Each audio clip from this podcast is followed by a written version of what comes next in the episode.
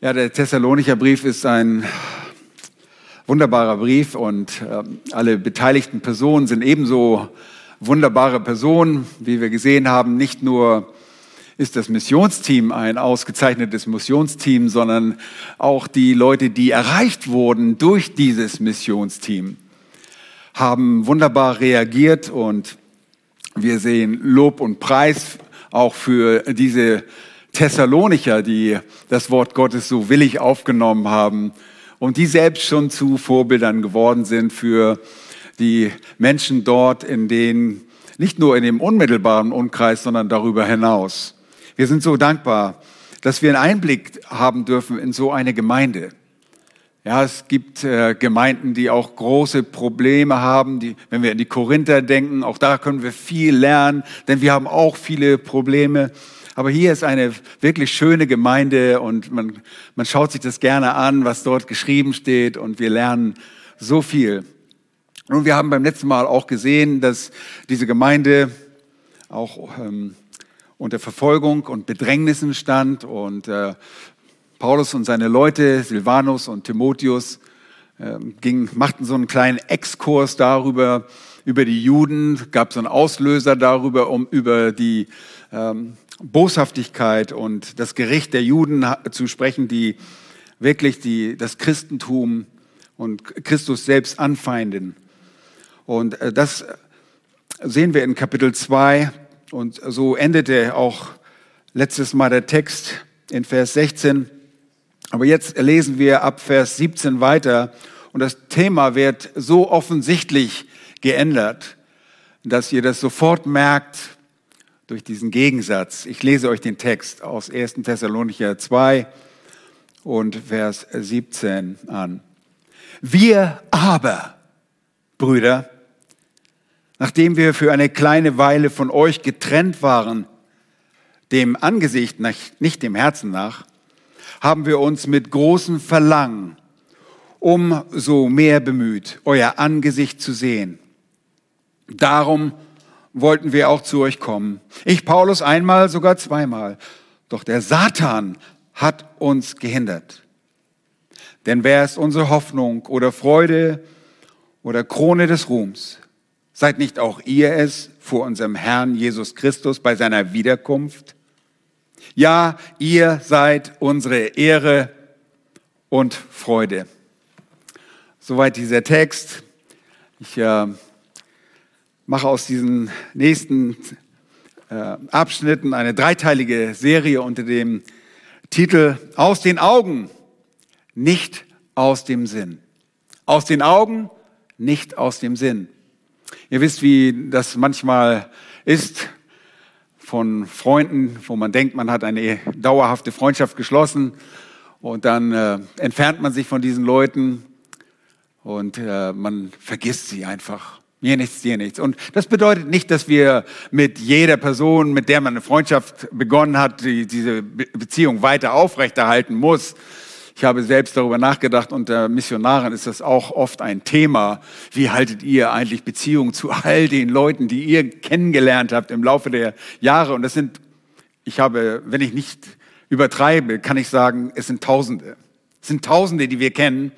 Und die Beziehung, die wir aufgebaut haben, die kann man nicht aufrechterhalten mit jedem. Es geht nicht. Aber da, wo eine bestimmte Bindung vorhanden ist, muss eine Beziehung aufrechterhalten bleiben, auch wenn man physisch sich von einer Person trennt für eine kurze Zeit. Und ihr wisst, es gab eine sehr enge Beziehung zwischen dem Missionsteam und den Thessalonichern. Nur wurde die Beziehung physikalisch, also in der Gegenwart, unterbrochen. Wir kommen da noch drauf zu sprechen. Aber deshalb aus den Augen, nicht aus dem Sinn. Nun, das erste, was wir in diesem Text sehen, ist Vers 17 und 18a, das dringliche Anliegen. Das dringliche Anliegen, das äh, die Missionare haben. Wir haben ich möchte das nochmal lesen. Wir aber, Brüder, wir aber ist jetzt dieser Kontrast, der so deutlich diesen Text einleitet. Nachdem wir euch eine kleine Weile von euch getrennt waren, also dem Angesicht nach, ihr versteht das, nicht dem Herzen nach, haben uns mit großem Verlangen umso mehr bemüht, euer Angesicht zu sehen. Darum wollten wir auch zu euch kommen. Ich, Paulus, einmal, sogar zweimal. Also nach seinem Exkurs über die Juden drückten jetzt Paulus, Silvanus und Timotheus ihr tiefes Verlangen den Thessalonichern gegenüber aus. Es ist ein Verlangen, diese von Angesicht zu Angesicht zu sehen. Und so beginnen sie diesen Abschnitt auf eine sehr interessante Art und Weise. Sie stellen sich selbst nämlich als einen Gegensatz zu den gerade zuvor erwähnten Verfolgern dar, in den Versen 14 bis 16. Deshalb schaut genau hin, wir aber. Wir aber lässt fragen, warum? Was ist der Kontrast? Der Kontrast ist, hier waren auf der einen Seite die Verfolger, und es waren nicht nur Juden, sondern auch die Landsleute der Thessalonicher, äh, die die Thessalonicher verfolgt hatten, aber die Juden waren der ausschlaggebende Punkt. Sie hatten die äh, Thessalonicher aufgehetzt. Sie waren im Gegensatz zu diesen bösen Menschen nicht bösartig und auf der Lauer die Thessalonicher zu zerstören. Nein, gebündelt mit einem liebevollen Brüder. Wir aber Brüder bereiten sie die Thessalonicher auf die herzlichen Worte über diese Trennungserinnerung zu den Thessalonichern vor. Nun, die Trennung der Missionare von den Thessalonichern war auch für sie selbst, für die Missionare eine sehr schmerzliche Erfahrung. Denn die reisenden Brüder waren keine gefühlslosen Predigtmaschinen. Sie waren liebende Menschen und besaßen seit der Trennung eine geradezu verzehrende Zuneigung zu den Thessalonichern. Und diese Zuneigung, so sagt uns der Text, gleicht dem verzehrenden Verlangen eines Kindes, das seine Eltern vorzeitig verloren hat. Wo ist das zu erkennen? Das sieht man in dem griechischen Wort von euch getrennt. Das Wort getrennt bringt das zum Ausdruck. Das Wort bedeutet so viel wie ein Elternteil oder beide Elternteile zu verlieren, herausgerissen werden aus von den Eltern. Und so war es im Prinzip auch, denn sie wurden förmlich von den Thessalonichern weggerissen. Erinnert ihr euch? Plötzlich, ohne weitere Vorbereitung musste das Missionsteam die Stadt Thessalonik verlassen. Und wir lesen da, die Brüder aber, die Brüder, die gläubigen Brüder in Thessalonik, schickten sogleich während der Nacht Paulus und Silas nach Beröa. Apostelgeschichte 17, Vers 10. Es blieb nicht einmal die Zeit, es Tag werden zu lassen. Sie gingen ex abrupto, unversehens, schlagartig. Das seht ihr. Und die gläubig gewordenen Brüder in Thessalonik schickten das Team noch während der Nacht nach Beröa, nachdem die Juden zuvor am Tag ein Straßenpöbel aufhetzten und die ganze Stadt in Aufruhr versetzten und auch die obersten äh, der Stadt, die Politarchen, ins Spiel gebracht wurden. Sie wurden abrupt voneinander getrennt, gleichsam einem Kind, das von einem oder beiden Elternteilen getrennt wurde. Und diese schmerzhafte Trennung hatte in der nur kurzen Zeit ein sehr, sehr starkes Verlangen bei den Missionaren geweckt, das Angesicht der Brüder in Thessalonicher wieder zu sehen. Sie wollten sie unbedingt von Angesicht zu Angesicht sehen. Das ist vor der Zeit von Zoom und äh, FaceTime oder was auch immer. Sie wollten sie von Angesicht zu Angesicht sehen. Und das war ein Verlangen, das uns heute leider allzu oft fremd ist, weil wir Beziehungen weniger ernst nehmen und glauben, dass Beziehungen mit irgendwelchen besonderen Erfahrungen, die man zusammen macht, zu tun hat, haben. Heute haben Beziehungen viel mit Gefühlsduselei zu tun, Gefühlsüberschwang. Man erlebt vielleicht eine bestimmte begeisternde Atmosphäre, eine sinnliche Empfindelei, aber sie ist letztlich auch nur das. Und sie bleibt trotz aller Emotionalität nur knietief. Und sobald man die anderen Personen nicht mehr sieht, sind sie auch schon in Vergessenheit geraten. Diese scheinbar echten Beziehungen sind nichts als eine Farce. Nun, bei anderen bekennenden Christen ist es heute so, dass sie sich nicht mehr sonderlich auf das Zusammentreffen in Personen konzentrieren. Das kennen wir auch, sondern die anonyme Geistlichkeit suchen. Sie glauben, oft irrtümlicherweise, dass die eigens gewonnenen Erkenntnisse aus dem YouTube-Channel oder sonst wo die irgendjemand selbstständig auf ein geistlich Gott wohlgefälliges äh, Niveau bringen können, dass das der ausreichende Ersatz ist. Und dabei vermisst man häufig nicht einmal den Gottesdienst und die Gemeinschaft mit Geschwistern in Bibel- oder Gebetsstunden und schon gar nicht werden sie angestrebt. Man feiert einfach zu Hause seinen Gottesdienst vor der Kiste und kriegt ein quadratisches Gesicht dabei. Es heißt sogar nicht selten, ach, ich kann mir doch aus den Gottesdiensten im Internet ansehen und eine Predigt runterladen, das ist so schön. Und ich habe meine ganzen Bibeln dabei aufgeschlagen. Schaut doch mal, ist das nicht toll? Ja. Nun, was da gelehrt wird, sagt man dann auch, was in der Gemeinde gelehrt wird, das kenne ich doch sowieso schon alle. Das habe ich alle schon gehört. Ich hole mir lieber was, was aktuell ist für mich. Nun, Ihr Lieben, das ist traurig, wenn bekennende Christen so denken. Es geht ihnen um das Wissen, aber nicht wirklich um den Bruder, die Schwester und schon gar nicht um solche, die dazu berufen sind, sie zu belehren. Nun, es geht diesen Menschen nicht um die gegenseitige Handreichung und Ermutigung. Nun, die Thessalonicher hatten eine besondere Beziehung zu diesen Missionaren. Die waren nämlich tatsächlich, die Missionare waren wie eine Mutter, eine stillende Mutter unter den Thessalonicher, erinnert ihr euch? Und wie ein ermutigender und ermahnender Vater. Und die brauchten sie. Sie waren aufeinander angewiesen und deshalb auch dieses starke Verlangen der Missionare zurückzugehen und sie, die Thessalonicher, zu sehen von Angesicht zu Angesicht. Nun, wie immer auch deine Einstellung aussehen mag, selbst wenn du in einer scheinbar un verwüstlichen Gemeinschaft mit den Geschwistern verhasst und dann doch irgendwann gewillt bist, den Bruder oder die Schwester mir nichts, dir nichts zu verlassen und das ohne mit der Wimper zu zucken, dann ist etwas einfach nur gewaltig faul. Das geschieht nicht selten. Bekennende Christen verlassen einander, weil sie ihren eigenen Anliegen nicht erfüllt sehen, weil ihre Wünsche nicht erfüllt werden. Ihre persönlichen Vorlieben. Es gibt kein biblisches Mandat, es ist eine persönliche Vorliebe und deshalb verlassen Leute sogar die Gemeinde. Jemand, der so denkt, dem ist von menschlicher Seite wirklich nicht zu helfen.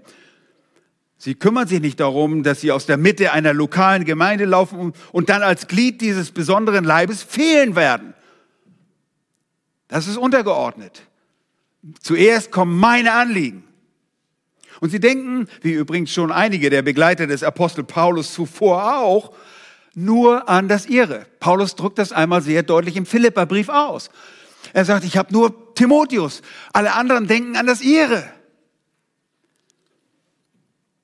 Sie sind dabei, ihre eigenen Vorteile zu suchen und auf dem Weg der Frömmigkeit schnell bereit, die eigenen Geschwister zu verlassen oder sogar zu verleumden. Und so, ihr Lieben, so war es nicht bei diesen Missionaren auf ihrer Missionsreise. Obwohl sie einen Dienst der Reisetätigkeit hatten und sie auch weitergingen, ihr abrupter Weggang hatte nichts mit einem geplanten Verlassen zu tun, um eigene Interessen verwirklichen zu können. Nein, vielmehr war ihr Leben in Thessalonich in akuter Lebensgefahr. Und die Thessalonicher selbst hatten dafür gesorgt, dass sie gingen. Das ist eine ganz andere Hausnummer. Und das sehen wir daran, dass für diese Männer nicht galt aus den Augen, aus dem Sinn. Im Gegenteil, sie waren zunächst einmal beharrlich.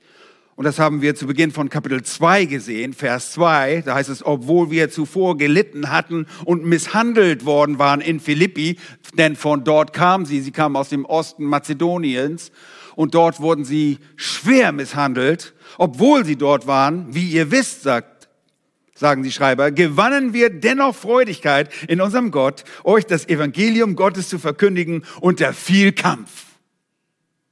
Die haben nicht gesagt, lass uns so, lass uns umkehren.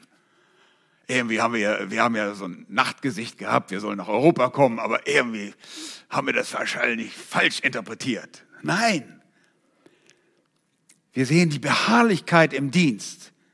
Und nebst, nebst dieser Beharrlichkeit im Dienst sehen wir jetzt ihr aufrichtiges Motiv, ihr sichtbar werdendes Herz, das sich in einem starken Verlangen, die Geschwister von Angesicht zu Angesicht zu sehen, äußert.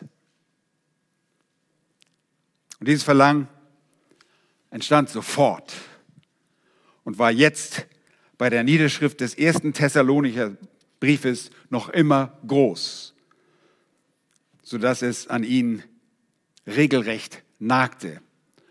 Und das ganze Thema wird noch weiter entwickelt, wenn wir die nächsten Male uns die nachfolgenden Texte uns anschauen. Aber noch einmal, weil wir uns darin so leicht täuschen. Herzliche Gemeinschaft ist nicht etwa ein religiöses Gefühl, eine Gemeinschaft, wo jeder seine Probleme dem anderen mitteilt und man dann zusätzlich die Bibel irgendwie als ein Referenzbuch heranzieht. Wahre Gemeinschaft ist eine von Gott geschaffene Einheit durch die Wiedergeburt. Du brauchst nicht mal sagen, ich muss eine Beziehung zu dir entwickeln. Du hast eine Beziehung zu uns, weil du ein Kind Gottes bist. In dem Moment, wo du zum Glauben bist, hast du eine Beziehung zu uns. Jeder gehört zu dem anderen. Wir sind Glieder an einem Leib. Und das ist so deutlich in der Schrift dargestellt. Wahre Gemeinschaft ist eine von Gott geschaffene Einheit. Und die Einheit des Geistes ist etwas Gegebenes. Paulus macht das deutlich im Epheserbrief. Sie ist uns gegeben, so wie uns die Einheit des Geistes dort auch deutlich gegeben wurde, als du zum Glauben kamst, wurden wir gleich eins gemacht.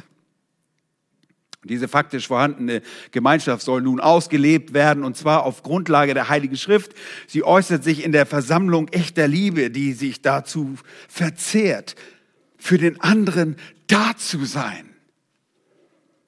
Und damit ist nicht eine dauerhafte Zoom-Gemeinschaft gemeint, sondern eine echte Liebe leibhaftiger Gegenwart des anderen. Und deshalb bleiben wir auch den Versammlungen nicht fern. Es ist das Schönste, wenn ich euch sehen kann. Und wenn wir in die Gemeinschaft der Gläubigen kommen. Das ist ein Vorgeschmack auf den Himmel. Da werden wir ohne weiteres ständig beieinander sein. Ich erinnere euch an an die Situation in meiner Heimatgemeinde vor vielen Jahren. Ich war ein kleiner Bengel und wir hatten eine Omi dort, die wir nicht so aufstehen konnten als Jungs. Und Papa hat immer gesagt, pass auf, du sitzt im Himmel neben mir. Und ja, oh, das war sehr eindrücklich. Wir haben eine Beziehung zueinander. Und deshalb bleiben wir den Versammlungen nicht fern. Der Kommentator Werner de Boer schreibt, Zitat Beginn, das ist wichtig für alle wirkliche Bruderschaft und damit für eigentliches Gemeindeleben auch heute. Haben wir begriffen, dass Bruderschaft das tatsächliche Beieinander, die konkrete Lebensgemeinschaft verlangt? Tun auch wir mit Entschlossenheit alles, um wieder äh, der Brüder Angesicht zu sehen mit heißem Verlangen? Wie schwer zerstört ist unser Gemeindeleben heute, weil so viele wehen, mit bloßem Denken an die anderen, für sich allein Christen zu sein zu können. Aber Liebe, die sich nicht nach dem leiblichen Gegenwart des anderen sehnt und darum jede Gelegenheit zum wirklichen Zusammenkommen benutzt, ist nicht biblische Liebe. Zitat Ende. Das hat der Mann schon vor über 60 Jahren geschrieben. Und er meinte damit nicht, dass ihr ein Lieblingskuschelkreis von Insidern beiwohnt, der mit euch besondere Sitzungen abhält und ihr euch als eine Art Elitegruppe fühlt, weil die anderen ja so viel ungeistlicher sind als ihr. Nein, es bedeutet schlicht und einfach, die Gemeinschaft aller Heiligen zu ersehnen, weil wir ein und dieselbe Liebe für alle besitzen. Und aufgrund dieser Sehnsucht auch Teil dieser Versammlung sein wollen. Gemeinschaft erweist sich in, an allen, vom schwächsten Glied bis zu deren Leitern, wo sie der Herr in seinem Leib auch immer zusammengestellt und wie er sie zusammengestellt hat. Wir haben uns nicht ausgesucht, wer unsere Geschwister sind, oder?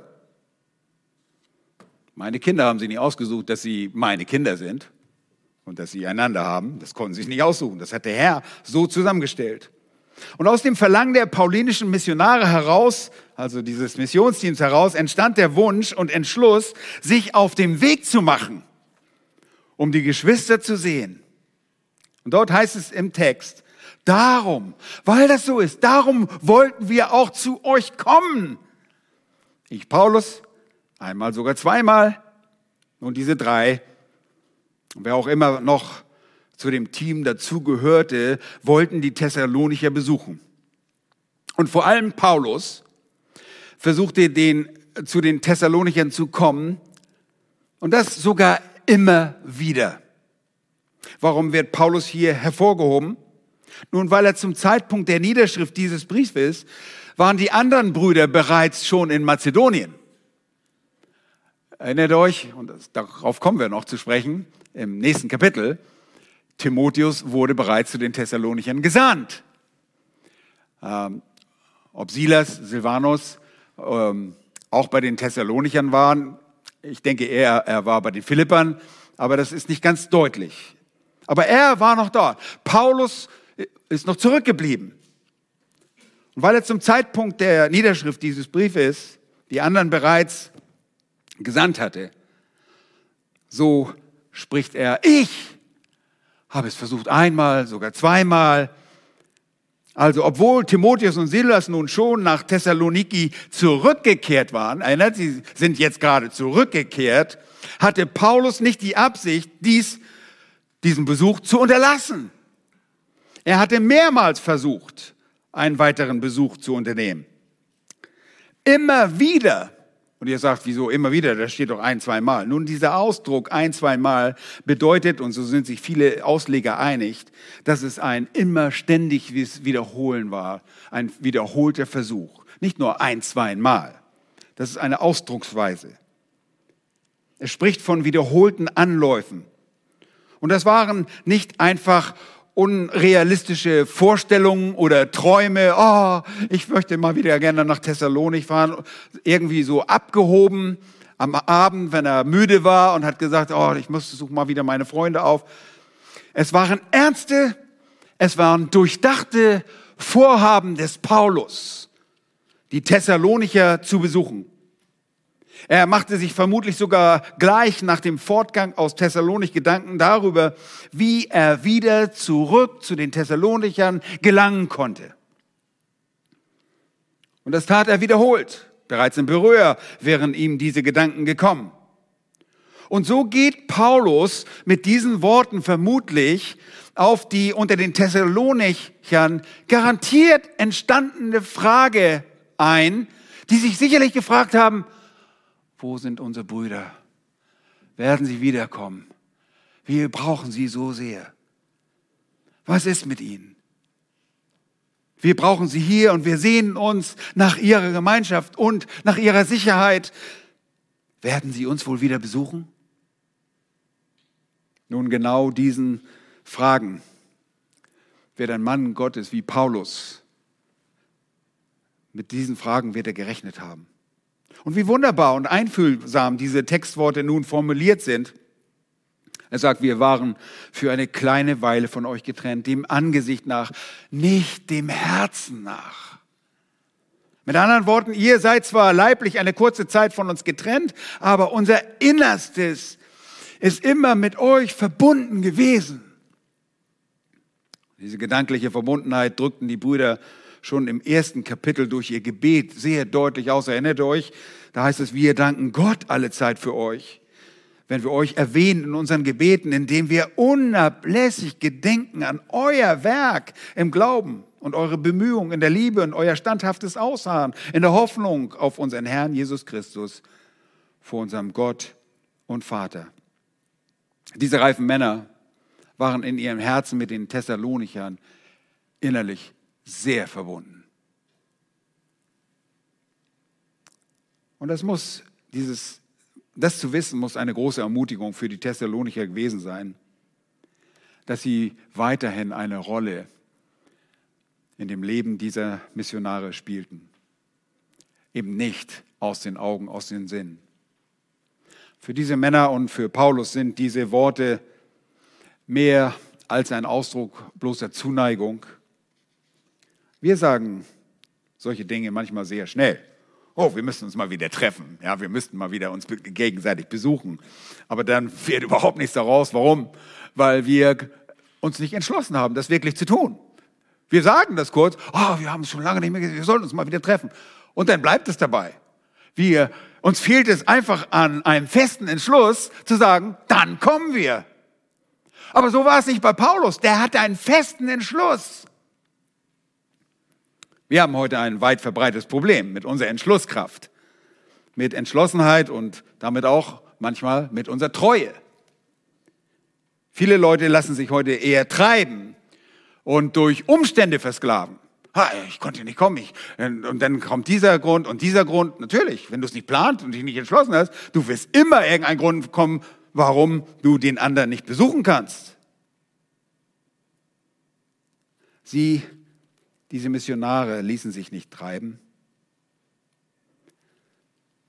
Sie, die Menschen, die das tun, leben nicht nach einem sondierten, kalkulierten Plan, sondern lassen sich leben durch die Tyrannei der ihnen scheinbar akut wichtig werdenden Dinge.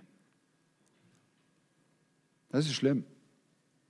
Hier ist es anders. Bei diesem gesandten Missionsteam besteht ein aktiv, ein tiefes, aktiv werdendes Verlangen, den anderen zu sehen. Sie unternehmen durchdachte, vorgefasste Anläufe und wollten die Geschwister tatsächlich sehen und besuchen. Und es spricht von ihrer Reife. Das war gebucht. Wisst ihr, wenn ihr nach Amerika geht oder sonst wohin fliegt, dann ist das ein vorgefasster Entschluss. Und ihr sagt, ja, mal sehen, ob ich das schaffe oder nicht. Oder, und du lässt das Ticket einfach verfallen. Du hast dafür schwer gezahlt. Du hast einen Entschluss, du gehst, ja, und du hast sogar noch eine Reiserücktrittsversicherung, falls das nicht gehen sollte, aber du bist entschlossen zu gehen. Und diese Männer waren entschlossen zu gehen. Nicht nur, wenn wir mal Zeit hätten oder so. Nun, Menschen, die einander wirklich sehen wollen, die nehmen dafür alles auf sich. Keine Bürde ist ihnen zu schwer. Die Entfernung ist da kein Problem, selbst wenn dabei manche Hürde überwunden werden muss. Und in diesem Fall gab es nicht nur eine kleine Hürde. Es gab nicht nur eine kleine Hürde für die Missionare, sondern ein unmittelbares und unüberwindbares Hindernis. Und damit kommen wir zu einem weiteren Punkt. Dieses unmittelbare Hindernis war eine Person. Diese Person sorgte dafür, dass der gemeinsame Besuch der Missionare und schließlich der des Paulus bei den Thessalonichern unterbunden wurde. Zumindest was den zeitnahen Besuch bei ihnen betraf. Und das ist das unmittelbare Hindernis. Der zweite Punkt, wir haben das diesmal äh, nur auf den Blättern, das ist das unmittelbare Hindernis. Vers 18b. Wir lesen, doch der Satan hat uns gehindert. Der ganze Satz nochmal, darum wollten wir auch zu euch kommen. Sie hatten dieses Verlangen. Ich, Paulus, einmal, sogar zweimal, also ständig. Doch der Satan hat uns gehindert. Und damit meint er wieder alle, dass sie gemeinsam nicht kommen konnten und Paulus speziell auch. Und das ist eine sehr erstaunliche Aussage, wenn sie auch äh, jeden Kenner der Schrift nicht überrascht. Der unmittelbare, der direkte, der nächstliegende Grund für das Ausbleiben eines Besuches dieser Männer bei den Thessalonichern war in dem Hindernis zu finden, das Satan für dieses Team darstellte. Ist das nicht interessant? Diese Worte, die müssen uns alle beschäftigen. Und sie lösen wahrscheinlich eine ganze Menge Fragen bei uns aus. Also bei mir war es so. Und das ist gut so. Wie kann es sein, dass Satan ein Hindernis in den Weg der Missionare war, dass er ein Hindernis in den Weg stellte, das Gott nicht überwinden sollte? Wäre es nicht richtiger zu schreiben, in aller Ehrfurcht sage ich das, dass Gott nicht wollte, dass die Missionare zu den Thessalonichern zurückkehrten? Wie kann man an dieser Stelle dem Satan so viel Macht zuschreiben? Nun, was steht hinter dieser Aussage des Paulus? Lasst uns das einmal zusammen durch beleuchten. Zunächst fragen wir uns, wie Satan wohl ein Hindernis sein konnte. War es, dass Satan dafür sorgte, dass die Männer und vor allem Paulus übermäßig beschäftigt waren und er dafür sorgte, dass sie zu viel, äh, dass sie gewissermaßen christliche Workaholics wurden. Ah, wir haben so viel Dienst zu tun, wir haben keine Zeit. ist das das Hindernis, das Satan ihnen in den Weg stellt? Nein, ganz gewiss nicht. Das Hindernis war mit Sicherheit nicht die Forderung nach missionarischer Arbeit anderswo, denn es ist niemals die Absicht des Feindes, eine solche Arbeit irgendwo zu fördern.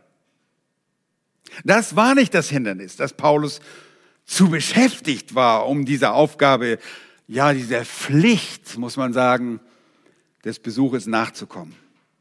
Nun, waren es vielleicht die Behinderung der Beamten, der Politarchen, wir erinnern uns äh, in Thessalonik und der Widerstand der örtlichen Juden, die Satan beeinflusste und so die Missionare hinderte, nach Thessalonik zurückzukehren? Suchte Satan darin den Schlüssel zum Erfolg, diese Männer so aggressiv zu machen, dass er nicht wollte? Nun, das sind wohl Möglichkeiten, die aber meines Erachtens kaum ausreichen sollten, um die Rückkehr des Apostel Paulus mit seinem Team und seinen Leuten zu verhindern. Er wäre sogar gegangen, wenn er dafür sterben musste. Er wäre gegangen.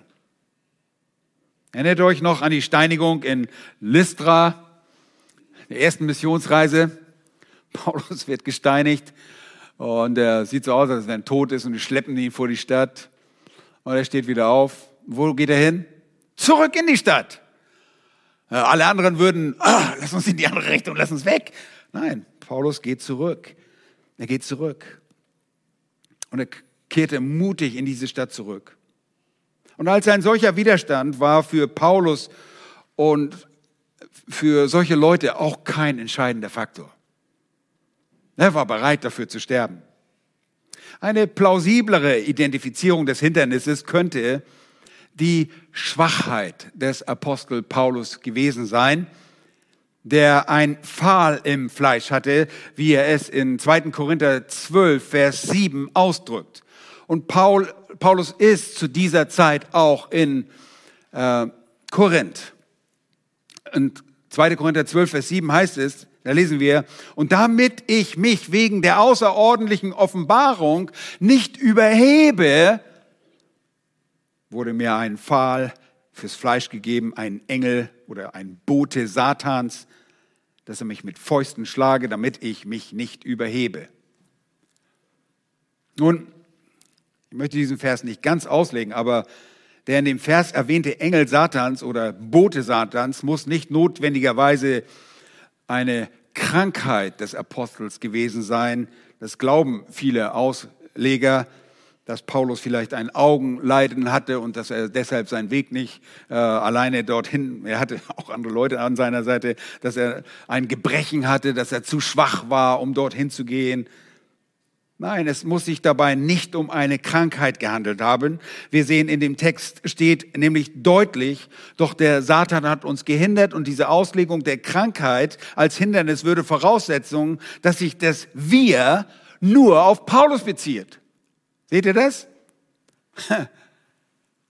Dann, das ist schon ein bisschen komisch. Meine bevorzugte Auslegung ist deshalb, nicht, dass das eine einzige oder meine alleinige Auslegung ist, das glauben viele andere auch, hörte sich vielleicht so an, dass Borchmann eine Sonderansicht hat, aber die habe ich nicht. Das Satan wird es zugeschrieben, dass er möglicherweise ein vom Satan gebrauchter Mann oder Mensch war, der dem Apostel feindlich gegenüber eingestellt war. Und Gott erlaubte es dieser Person und damit auch Satan, der in dessen Auftrag handelte, den Paulus durch Widerstand demütig zu halten. Interessant. Was immer die Umstände dabei waren, so sah Paulus nicht die Möglichkeit, damals in Athen, wir sehen, das ist, er ist erst in Athen und äh, von Athen schickt er deshalb auch Timotheus deshalb, aber er sah keine Möglichkeit wegzukommen. Und jetzt auch in Korinth sah er keine Möglichkeit, diesen Ort zu verlassen, um die Thessalonicher zu besuchen. Nun wäre ein Besuch äh, bei den Thessalonichern nicht in dem Willen Gottes gewesen? Oh doch, selbstverständlich. Aber es war letztlich nicht der souveräne Wille Gottes, denn unserem Gott waren andere Dinge wichtiger. Natürlich schrieb Paulus, so wie hier alle Plan, nicht alle Planänderungen dem Satan zu. Wir erinnern uns äh, daran, das, oder lass mich mal das erst sagen, wenn man das tut, wenn man jede Planänderung dem Satan zuschreibt, dann ist es sehr gefährlich. Das hat Paulus nicht getan. Er schrieb nicht jede Planänderung dem Satan zu.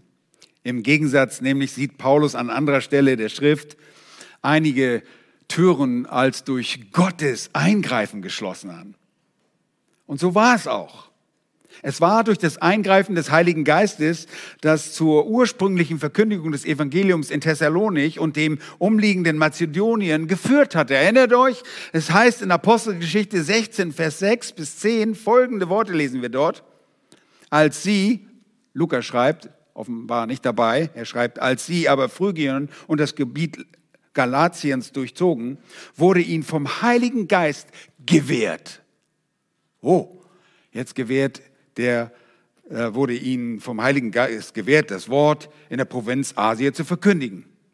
Als sie nach Mysien kamen, versuchten sie nach Bithynien zu reisen, aber der Geist ließ es ihnen nicht zu.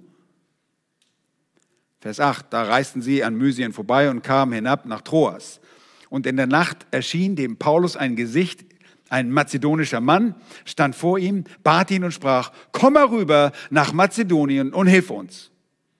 Als er aber dieses Gesicht gesehen hatte, waren wir, jetzt ist Lukas dabei, sogleich bestrebt, nach Mazedonien zu ziehen, indem wir daraus schlossen, dass uns der Herr berufen hatte, ihnen das Evangelium zu verkündigen.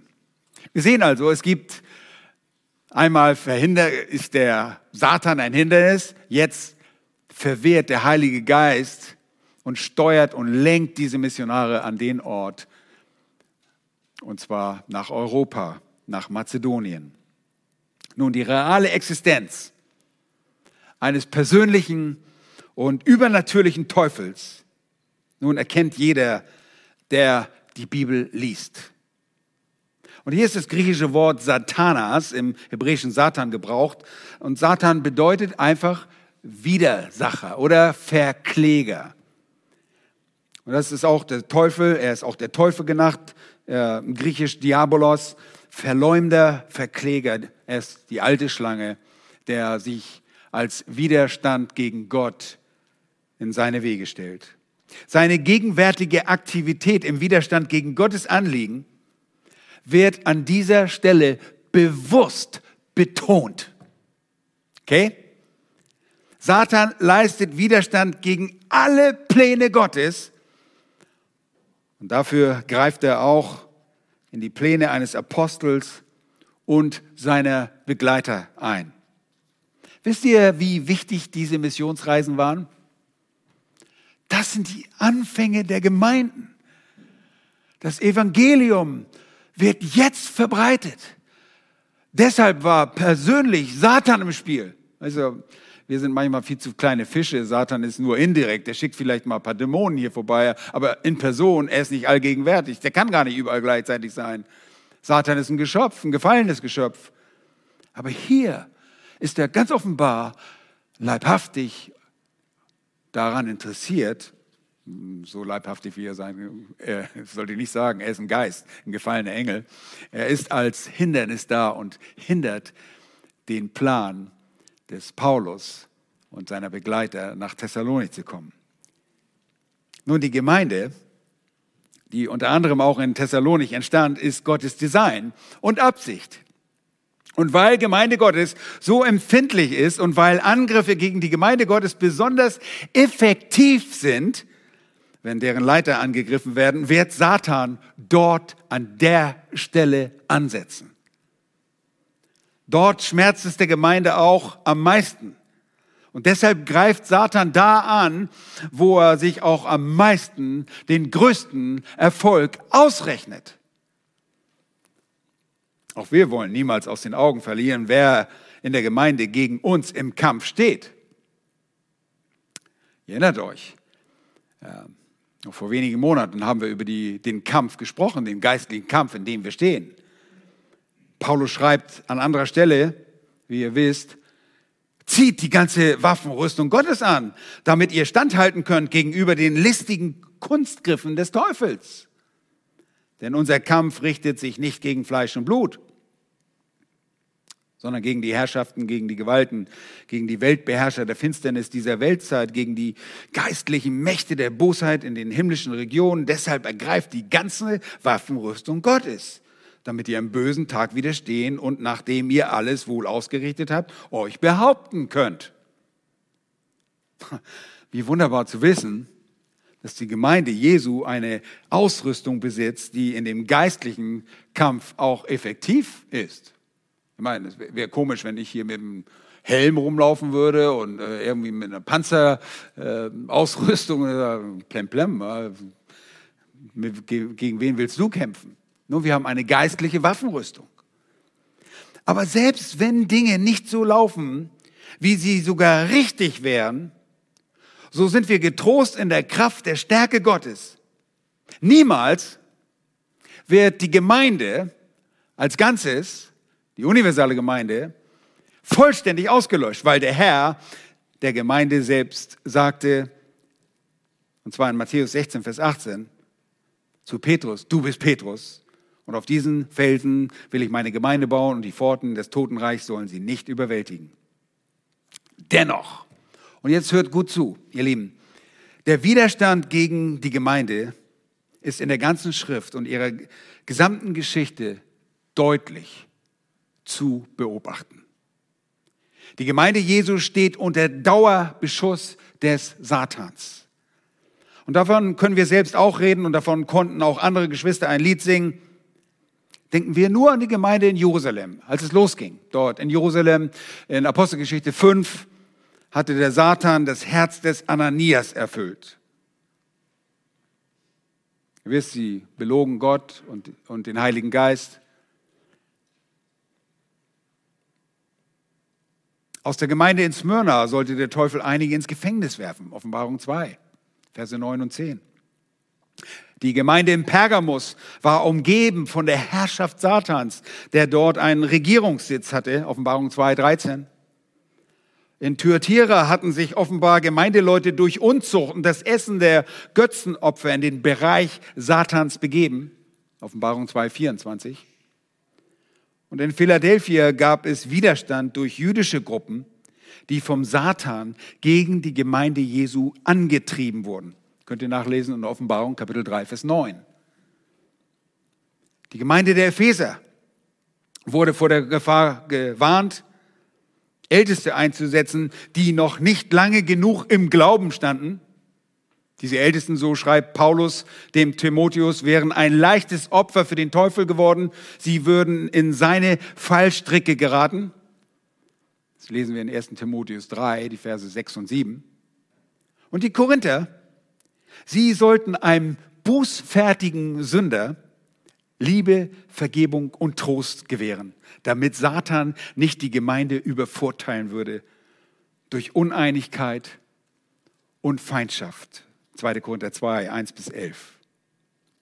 Ihr Lieben, überall attackiert der Teufel jetzt die Gemeinde Gottes, weil sie seine Gemeinde ist, die Braut des Herrn Jesus. Und er tut das genauso mit Israel und allen Kindern Gottes, auch in der Zukunft. Er greift sie an Sogar nachdem die Gemeinde erdrückt wird, werden Menschen immer noch, die Gott folgen, angegriffen. Es wird schwere Verfolgung geben. nach der Entrückung. Der Widerstand, der sich hier gegen den Aufbau der Gemeinde in Thessalonik richtete, ihr Lieben, gibt uns einen Vorgeschmack auf den noch stärkeren Widerstand, der in der Zukunft durch Satans besonderen menschlichen Vertreter vor der persönlichen Rückkehr Jesu auf die Erde eingeleitet wird. Davon lesen wir später und hören wir in 2. Thessalonicher Kapitel 2.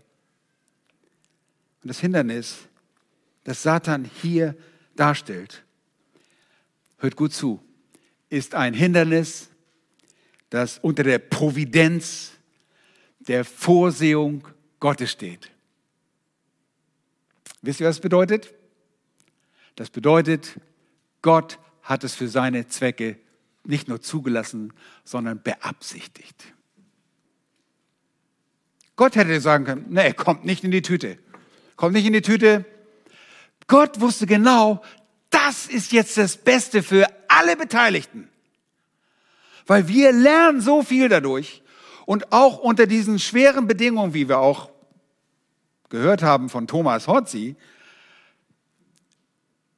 unter Bedrängnissen wachsen wir am besten.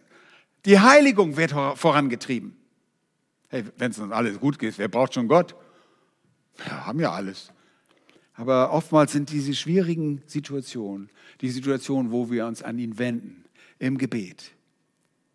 Er steht unter der Providenz der Vorsehen Gottes. Der Satan kann nur das tun, was Gott ihm erlaubt. Deshalb wurde Hiob fast irre, als ihm das alles widerfuhr. Der wusste nicht, was vor sich ging. Gott hat gesagt, okay, fass meinen Knecht Hiob an. Du kannst machen, was du willst mit ihm, aber töte ihn nicht. Und Gott verherrlicht sich dadurch. Der Satan kann nur tun, was Gott ihm erlaubt, denn letztlich steht Gott über allem und sucht das Beste für seine Kinder. Hier sollen wir nur über die Souveränität Gottes lernen. Nicht nur, sondern auch um die, äh, wir sollen an der Stelle nicht nur über die Souveränität Gottes lernen, sondern auch über die Wirklichkeit Satans. Also wir können manchmal in der Gemeinde so fromm sein, ja, Gott ist souverän, das hat er einfach so. Wisst ihr was? Satan ist aktiv. Der ist sehr, sehr aktiv. Fürchten wir ihn deshalb? Nein, wir fürchten unseren Herrn.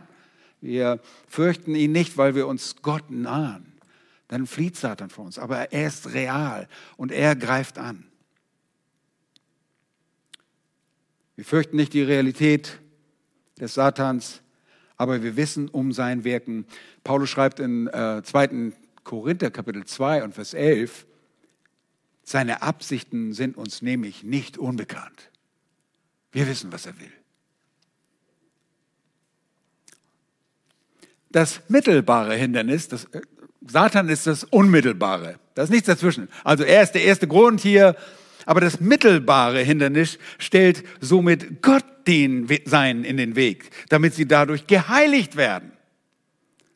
Wenn ihr versteht, was mittelbar und unmittelbar ist. Unmittelbar ist Satan, aber mittelbar ist Gottes. Er ist es. Er möchte, dass die Menschen um ihn herum geheiligt werden. Das ist so wunderbar. Dennoch der Geist Gottes bringt diese Realität des Widersachers an unserer Textstelle durch Paulus ins Spiel, damit wir uns alle der Realität des Satans bewusst sind. Und deshalb haben wir eine Waffenrüstung. Auch wir müssen sie anziehen. Wir können nicht einfach so durchs Leben gehen ach, ignoriere ich.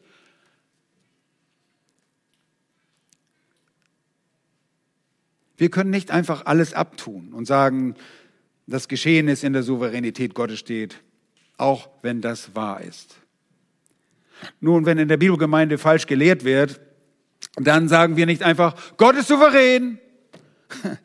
Und wenn unser Bruder noch so freundlich und lieb ist, nein, dann gilt es ihm, die Dinge schnellstens zu sagen und zu korrigieren. Das muss ausgeräumt werden. Wir müssen korrigiert werden wenn wir falsche Dinge sagen. 1. Timotheus Kapitel 4, Vers 1 heißt es, der Geist aber sagt ausdrücklich, dass in späteren Zeiten etliche vom Glauben abfallen und sich irreführenden Geistern und Lehren der Dämonen zuwenden werden. Seht ihr, wer das ist? Dämonen sind einfach nur die äh, herrschaftlichen Diener des Teufels.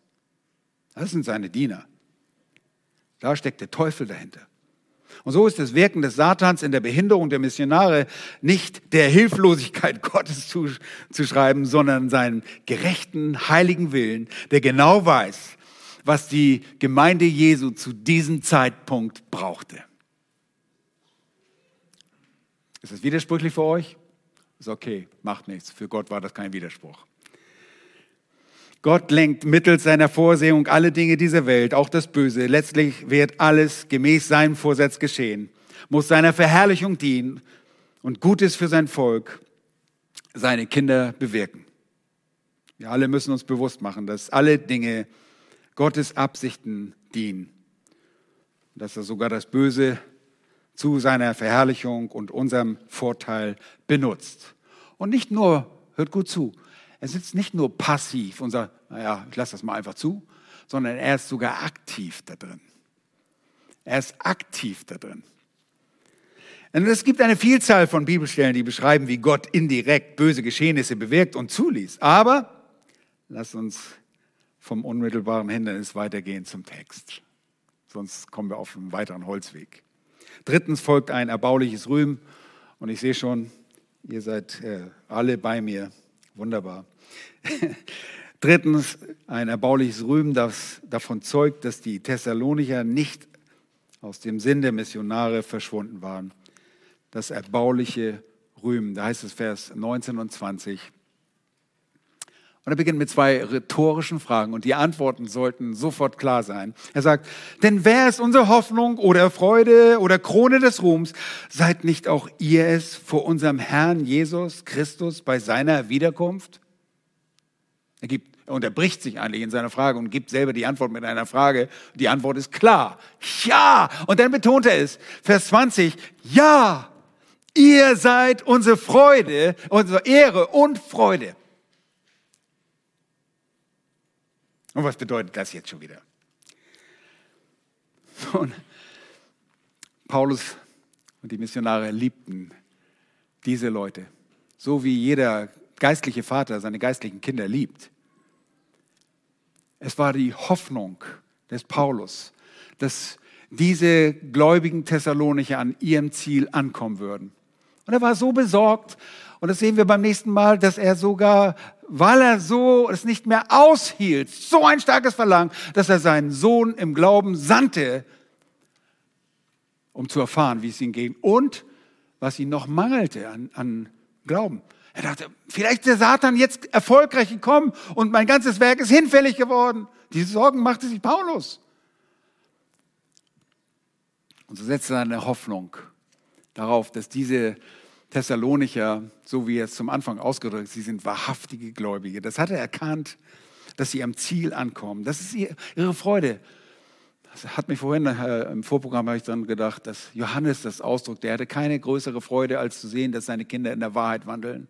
Das ist nichts Schöneres, als zu sehen, dass Kinder Gottes in der Wahrheit wandeln.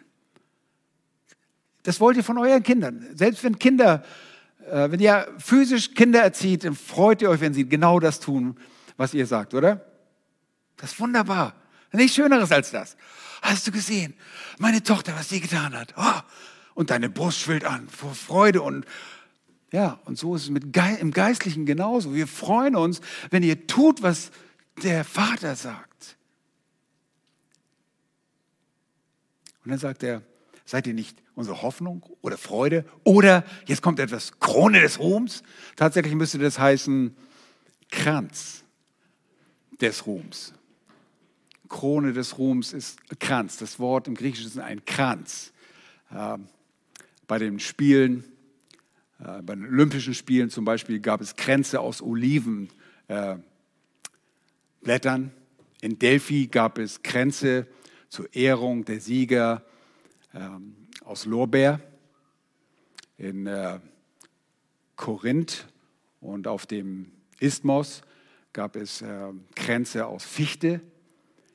Aber das war eine Anerkennung des Ruhmes, die nicht verliehen wurden aufgrund einer besonderen Leistung, die sie erwirkt hatten, sondern einfach um zu zeigen, jemand hatte seine Treue aus Treue oder seinen Sieg errungen. Und jemand, der den geistlichen Lauf vollendet. So wie Paulus, erinnert ihr euch im zweiten Timotheus, ich habe meinen Lauf vollendet. Er ist ja bereit, er ist bereit abzutreten und äh, zu sterben. Und er gibt den Staffelstab an seinen geliebten Sohn, den Timotheus, weiter. Er weiß, er hat alles getan. Und er guckt jetzt, wohin? Schaut mal. Seid nicht auch ihr es vor unserem Herrn Jesus Christus bei seiner Ankunft oder Gegenwart. Und ich vermute, dass hier eine Anspielung gemacht wird auf die Entrückung der Gläubigen, wenn es zum Preisgericht der Gläubigen kommt. Zu dem sogenannten Bema, wo die Gläubigen beurteilt werden für ihre Treue und es einen gewissen Lohn geben wird. Und Paulus freut sich an diesen Thessalonicher, weil er gesehen hat, wie willig sie das Wort angenommen haben, wie sie reagiert haben und dass sein Dienst effektiv war. Das ist einfach nichts Schöneres. Wenn du siehst, dass jemand zum Glauben kommt durch das Predigen des Evangeliums, ist einfach wunderschön. Und das ist ihm eine Ehre vor Christus. Eines Tages sagt Paulus, ja, Herr, du hast sie gerettet. Du hast sie durch dein Wort gerettet und hast mich dabei gebraucht und steht demütig daneben. Und ihr, ihr müsst euch nicht vorstellen, dass hier jetzt irgendwelche Kronen verteilt werden. Es gibt fünf verschiedene Kronen im Neuen Testament. Hier ist die Krone des Ruhms beziehungsweise der Kranz. Ja, ich verstehe manchmal nicht, warum die Übersetzer unverwelkliche Kronen sagen. Kronen aus Metall würden zum Beispiel nicht verwelken. Also das ist ein Kranz aus diesen besagten Blättern oder eben aus der Fichte. Aber diese Kränze bezeugen die Treue und sind eine Auszeichnung dieser Missionare für ihren treuen Dienst.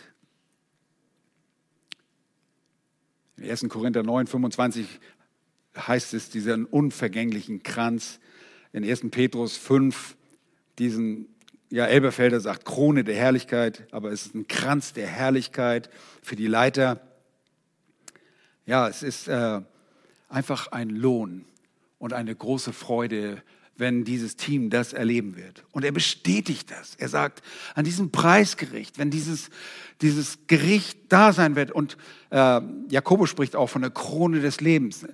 Das ist nicht eine Krone, da steht Leben drauf und du riechst du denn rum und da steht Leben und guckst das immer wieder an und ist äh, irgendwo auf so einem Blatt irgendwie eingebrannt, da steht Leben drauf und oh, guck mal, oh, du hast das Leben, tolle Krone. Nein, es ist die Krone, die das Leben ist. Und so ist hier einfach die, die Belohnung, dieser Ruhm zu sehen. Herr, du hast diese Menschen verändert durch dein Wort und alle Ehre gebührt dir sowieso. Es ist nie, es geht nie Paulus darum sagen, oh, wir werden dann gerühmt werden, weil wir so gut waren. Das war unsere Leistung. Wisst ihr, Paulus hat sich nie für seine Leistung gerühmt. Er hat immer Gott die Ehre gegeben. Er sagt aber, wenn sich jemand rühmen will, der rühme sich des Herrn. Dem Herrn wird Ehre geben. Und trotzdem ist es eine große Freude und seine Hoffnung, dass diese Thessalonicher zum Ende kommen werden mit ihrem Glauben. Und es fehlte ihm noch einiges und das wollte er vollenden. Ja, und wie muss das auf sie gewirkt haben? Wie muss es sie beeinflusst haben, das zu hören? Ja, ihr seid unsere Ehre und Freude. Boah. Das hat nicht irgendjemand gesagt, das hat der große Apostel Paulus gesagt. Der kam extra nach Europa, um uns das Evangelium zu bringen. Der hat uns den Herrn Jesus Christus groß gemacht. Das muss sie ermutigt haben. Aber beim nächsten Mal seht ihr, dass es damit nicht aus war. Paulus verzehrte sich geradezu vor Verlangen, die Thessalonicher zu sehen, ihnen zu helfen, sie weiterzubringen. Und davon werden wir nächstes Mal hören, wenn wir die opferbereite Fürsorge, die übergeordnete Absicht und das, die beunruhigende Frage des Apostels sehen werden in Kapitel 3, die ersten fünf Verse. Lasst uns jetzt noch beten. Herr, wir danken dir von ganzem Herzen, dass du uns diesen Brief gegeben hast, dass wir lernen dürfen, wie wichtig es dir ist, dass wir Liebe leiblich auch unserem Nächsten zum Ausdruck bringen. Du möchtest, dass wir auch einander Handreichung tun. Und das wollen wir tun in der Präsenz, in der Gegenwart und des Gottesdienstes und den Versammlungen. Wir wollen füreinander da sein. Und nicht nur irgendwelche besonderen Gruppen, sondern für jeden da sein. Wir wollen miteinander dich anbeten, denn dein Leib ist nicht zerstückelt. Du möchtest uns kollektiv zusammen sehen, so dass wir als Gemeinde dir die Ehre bringen können, die dir gebührt. Hab Dank dafür. Danke für die Treue, die du diesen Missionaren in ihrem Leben bewirkt hast. Hilf uns genauso treu zu sein. Hilf uns, dass wir das große Anliegen haben, für dich auch bereitwillig zu leiden. Danke, dass selbst der Satan, der ein Hindernis war, für dich kein, kein Hindernis war. Aber dass wir gelernt haben, dass der Satan eine Realität ist, der versucht, die Gemeinde Gottes zu zerstören. Herr, und das wollen wir niemals zulassen. Deshalb wollen wir in der Kraft deiner Stärke, wir wollen uns in dir stärken und uns anziehen mit der Waffenrüstung Gottes, die du zur Verfügung gestellt hast, um erfolgreich im Kampf gegen die Fürstentümer und Gewalten, gegen Satan selbst zu bestehen. Hab Dank dafür. Wir geben dir die Ehre in Jesu Namen. Amen.